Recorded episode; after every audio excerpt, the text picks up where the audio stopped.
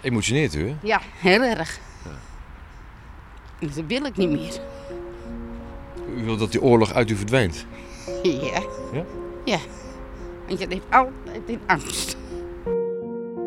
Want die hebben nog een kleintje in de onderduik. En dat kleintje was ik dus. Ik kom er natuurlijk nog niet heel erg eh, onderuit met, met de achternaam van mijn vader. Mijn vader, zoals, eh, die was vroeger natuurlijk bekender, dus ja, dan ben je vanzelf ook Joodser. Iedere Steen heeft een gezicht is een podcastserie van WNL voor NPO Radio 1. Nederland heeft een nieuw monument, het Holocaust Namenmonument in Amsterdam. Hoe leeft de oorlog nog in de families van mensen die op dit monument vermeld staan? Dus de oorlog zie je wel verdwijnen, maar het antisemitisme niet. Hoeveel pijn is er nog? Dat heeft mijn moeder gewoon overgebracht hoor. Dat wil ik niet meer. Of verdwijnt de oorlog langzamerhand?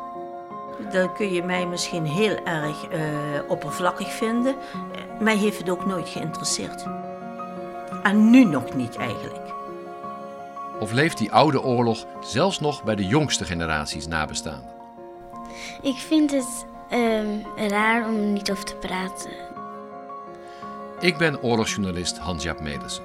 En iedere steen heeft een gezicht is te beluisteren via de site van NPO Radio 1 of via je favoriete podcast-app. Heel graag zien of de namen er staan. Want om welke namen gaat het bij u? Om de Groot, dus zijn er heel veel natuurlijk. En Godefra, zo heette mijn oma. Dat hoor je niet veel.